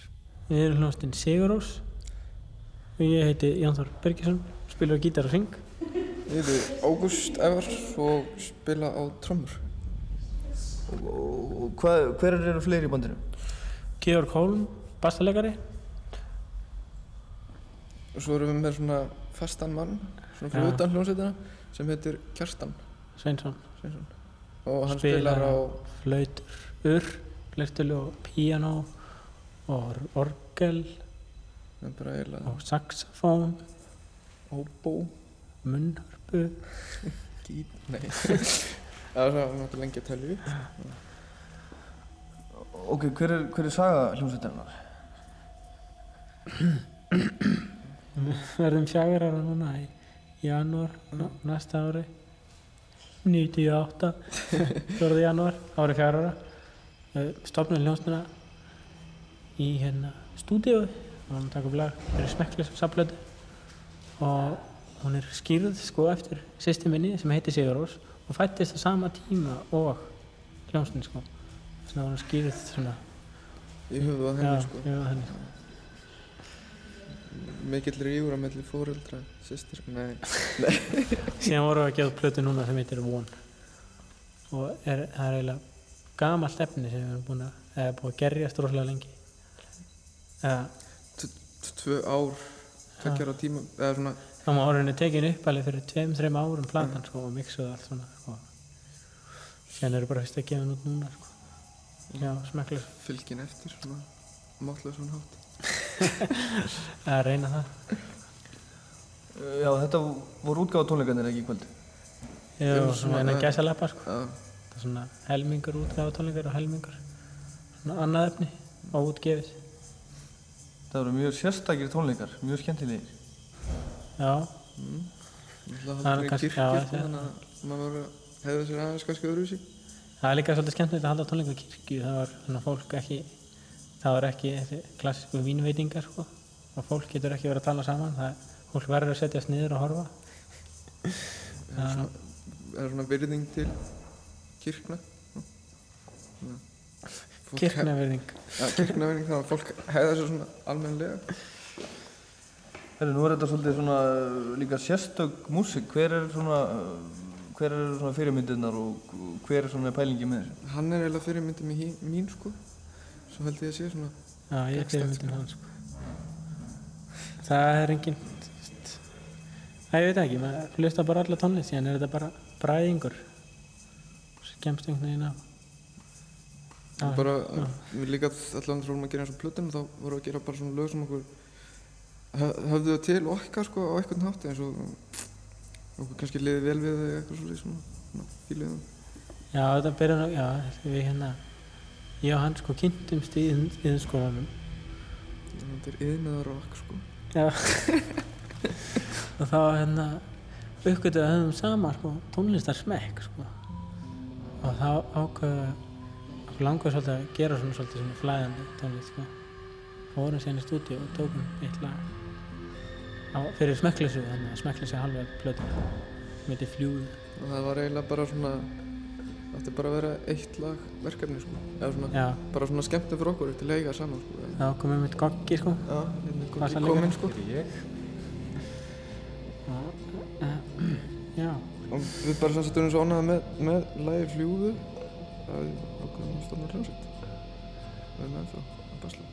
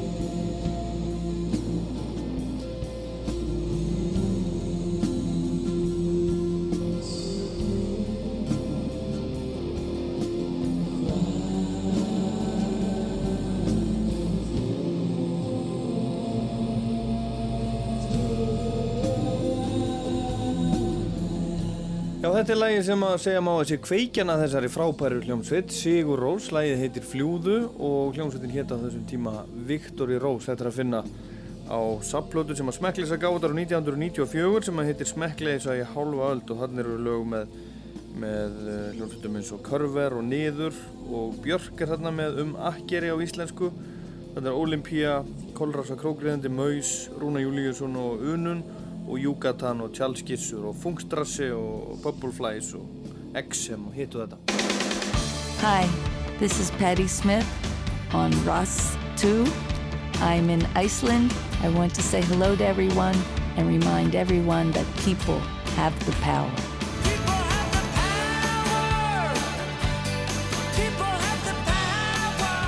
En David Bowie er maðurinn í þessum þætti og þætturum eftir viku. David Bowie er allur, fallegasti maður í heimi, er dáinn. Við lútum höfði, við þökkum fyrir okkur, hækkið í botn ef þið eru á lífi. In the filler of amen In the filler of amen Stands a solitary candle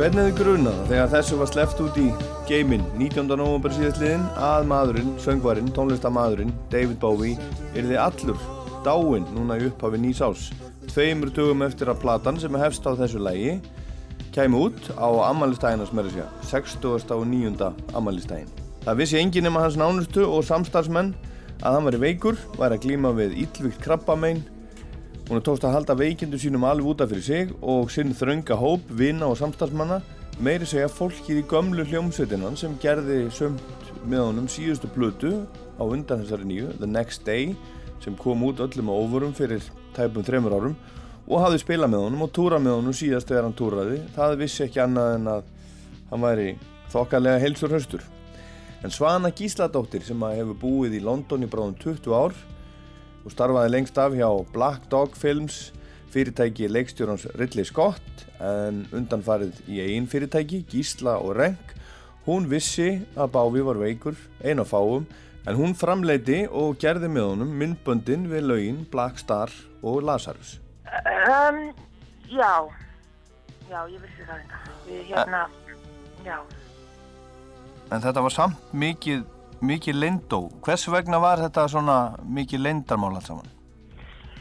Ég, ég get mikið svara fyrir hann, sko. Ég, ég get náttúrulega ímynda mér og sjálf okkur það var leyndamál, en, en ég, við tölum aldrei um það og ég get ekki svara fyrir hans hönd, sko, en við urðum að vita þetta í rauninni, það var ekki bara það var ekki bara sko hérna huglaðar ástæður, það var líka praktiskar ástæður fyrir því við vildum að vita, ég meina við erum að vinna með honum náttúrulega okkur um einastu degi fyrir tökur sko og þurfum að fá að vita hvenar hann er við og hvenar maður búast við svari og, og, og hvað hann getur unni marga tíma á dag og bara svona praktískar ástæður sem að, sem að hérna en við vorum einum, við og Jóhann vorum einam fólkið af okkar liði sko sem hafði hugmyndina þannig að við, þetta er svona með stærri landamálum sem maður hefur voru næstir í gegnum tíðina.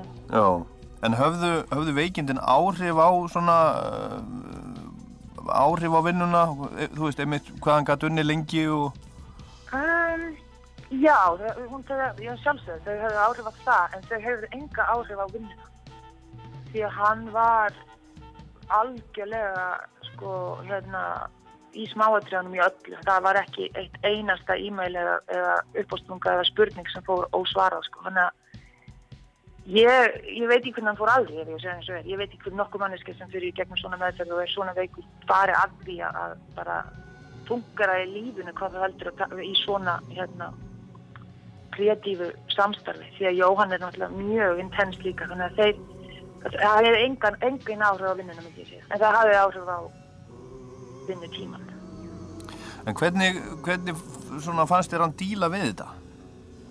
bara rosa vel bara það var ekki, það var enginn í kringum okkur sem hafði hugmynduna að var í veikur sko. því hann var brosandi og, og hlæjandi og, og þess, þú veist, á þessum tímum sem hann gatt verið í kringum fólk sko, þá, það hefði enginn hugmynd Something happened on the day he died. Spirit rose a meter and stepped aside. Somebody else took his place and bravely cried. I'm a black star. I'm a black star. How many times does an angel fall? How many people lie instead of talking tall? He trod on sacred ground, he cried loud into the crowd. Já, David Bowie, hann held veikindum sínum útaf fyrir sig af ástæðunum sem hann held líka útaf fyrir sig. En það sem hann gerði síðustu dagana áður hann kvatti var að senda gömlum vinum og nánum tölvupósta, sagt, nútíma bref sem voru óskum venjuleg fyrir þá sem fengu. Bara gamli góði Bowie að láta vita af sér skemmtilegur og fyndin eins og alltaf. En þarna var hann í rauninni að þakka fyrir samfélgina og kveðja Brian Eno fekk svona bregð frá honum og margir fólki sem hafi spilað með honum til dæmis. Og Ragnhjóður Hansson sem hefur haldið sambandi við fólkið í hljómsveitinnan sem kom með honum til Íslands 1996 síðan þá, hún er búin að vera í sambandi við þau síðustu daga. Já, ég hef búin að tala við öll. Þau eru náttúrulega bara í algjöru lóster, sko. Enginn aðeins vissi þetta. Það vissi enginn að hann væri veikur.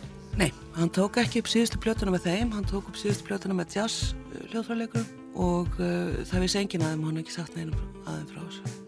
Svona að enginn af þessu fólki sem voru að spila með honum sumt í ára tví, Já, einmitt. alveg. Já. Og, og, og hafa þau ein- einhverja skýringu á því? Af hverju hann, hann ákvað að gera þetta svona? Nei, ekki sem að, sko, þau hafa komið út með þau bara sagði að hann vildi gera þetta eins og hann vildi gera þetta og við, höfum- við skiljum það. En þau sögðu mér nú allir að hann hefði skrifað sér stuttu á hann dó á e-mailum og þetta hefur verið mjög falleg e-mail og, og þau gerur sér grein fyrir því núna að það hefur verið að kveðja þau sko. Look up here, I'm in heaven. I've got scars that can't be seen.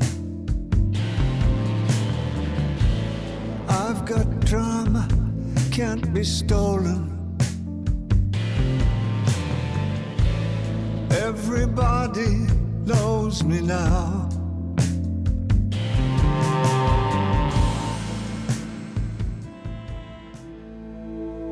Vorið 2013 var Nick Cave á leiðin hinga til Íslands til þess að spila á All Tomorrow's Parties í Reykjanes bæ og ég náði aðeins í henni í, í síma, við skulum heyra örstuðt brota því.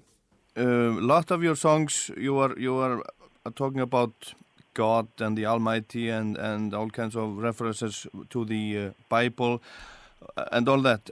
Uh, but I have never really understood if you are religious or not. How is your how is your um, if I can say how is your re relationship with the Almighty? Well, I'm not religious. I'm not religious in that I'm not involved in any re- religion, organized religion at all, and I never have been really. So you don't go to church. Uh, no, I don't go to church. Um, although I don't mind going into a church, uh, and I, I often find great benefit in, in walking into a church. You know, there was a, there was a couple of years when I couldn't do that. I felt so disgusted by what was going on with religion these days. Um, but if you can somehow put that aside, um, a church can be a rather wonderful place to be. Um, you know, and and and as far as my belief in God goes, um, I believe in the idea of a God. In in that, I- I believe in the idea of things that are kind of magical and absurd uh, and indefensible. Um, so I, I, I think it's an endearing human trait that we try and look outside ourselves to, and believe in something outside ourselves, no matter how ridiculous that may be. I think it's a good thing. So I think it's a good thing in its essence, even though a lot of terrible uh, stuff comes out of it, you know. So, so you know, uh, I believe in the idea. I don't know whether I believe in the actuality. It's as good as I can do at this time of the morning. Sunday morning, skeleton tree. Oh, nothing is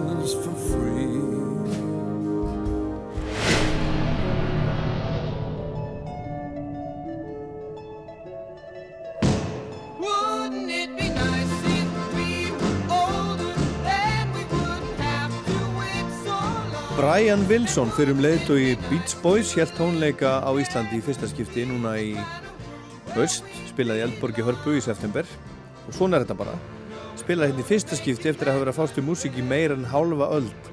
Orðin 74 ára gamall, einn af stærstu meisturum pop og rocksögunar hann er til dæmis maðurinn sem Paul McCartney og Gunni Þórðar segir sér séni.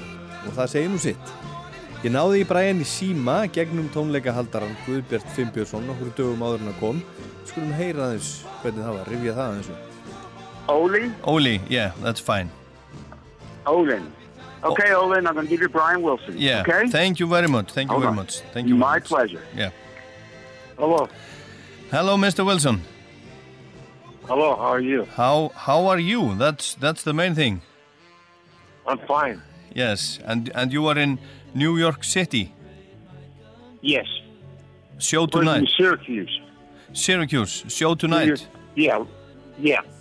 I know, I know, Brian. You have answered answered all these questions so many, so so many times. But I hope this will be okay with you.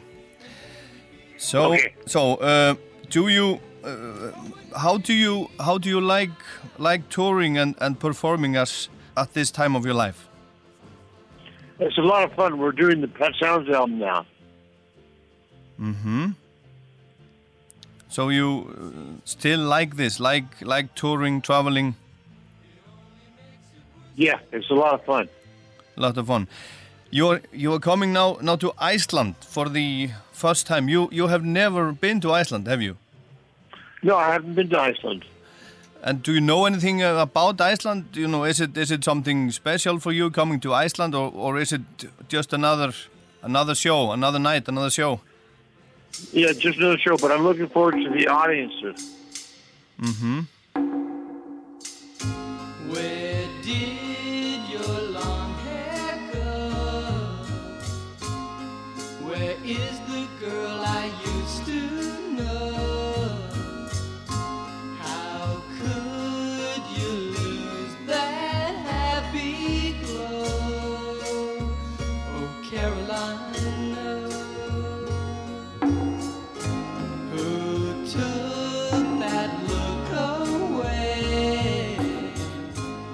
People have been calling you a musical genius since you were very young. How how do you feel about the, that?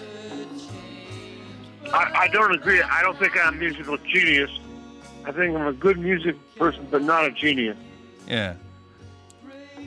Who would you call a musical genius? Paul McCartney. Paul McCartney, yeah. and he would say that you are a genius, I think.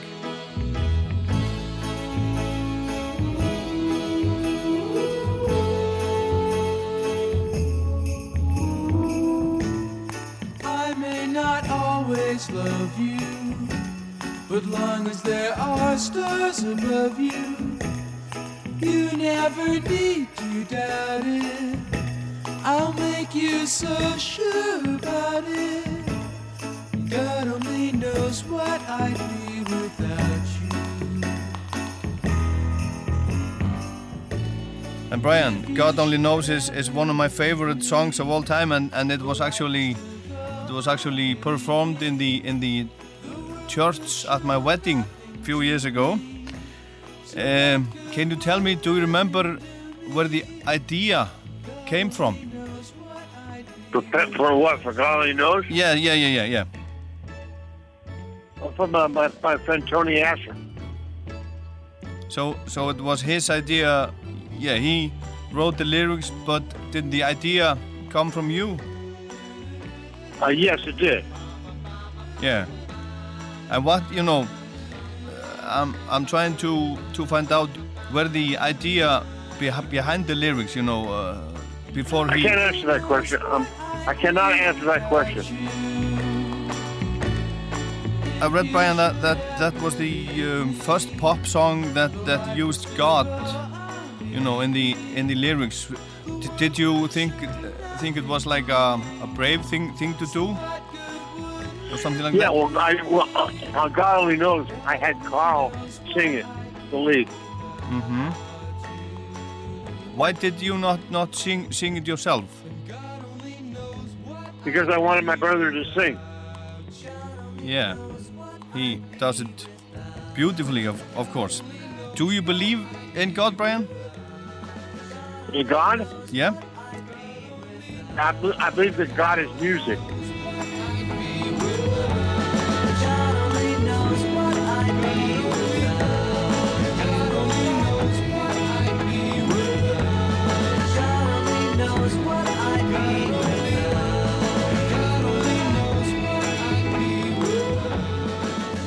Já, Brian Wilson segist trúa að Guð sér tónlist og ég trúi öllu sem hann segir en það var alveg svakalega erfitt að tala við hann eins og þið kannski heyrðuð.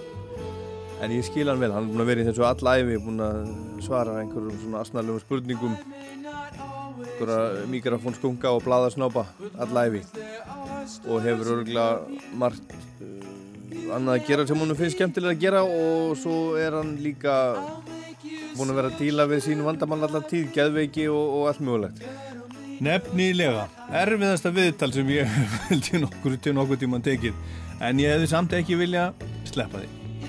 En svona var þetta, Rockland nr. 1200, 25 ára amæli, ég minni á Rockland á netinu, í Rúf spilaranum og svo podcast á iTunes og Spotify til dæmis. Rockland mælir með lagalistan sem er þetta fylgja með því að velja hjartað. Hann er á Spotify, tjekkið endilega honum og þetta er búið að vera skemmtilegt og þetta er ennþá skemmtilegt og ég ætla að halda áfram meðan þið haldið áfram að hlusta. Þetta var Rockland, Ég er Dólaður Pál Gunnarsson. Takk fyrir að hlusta í dag og alltaf 1200 sinnum.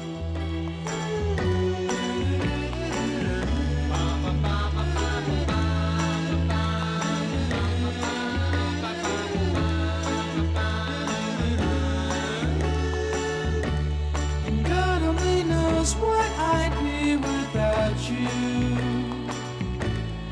if you should ever leave me. life would still go on, believe me. The world could show nothing to me. So what good would living do me? God only knows what I'd do.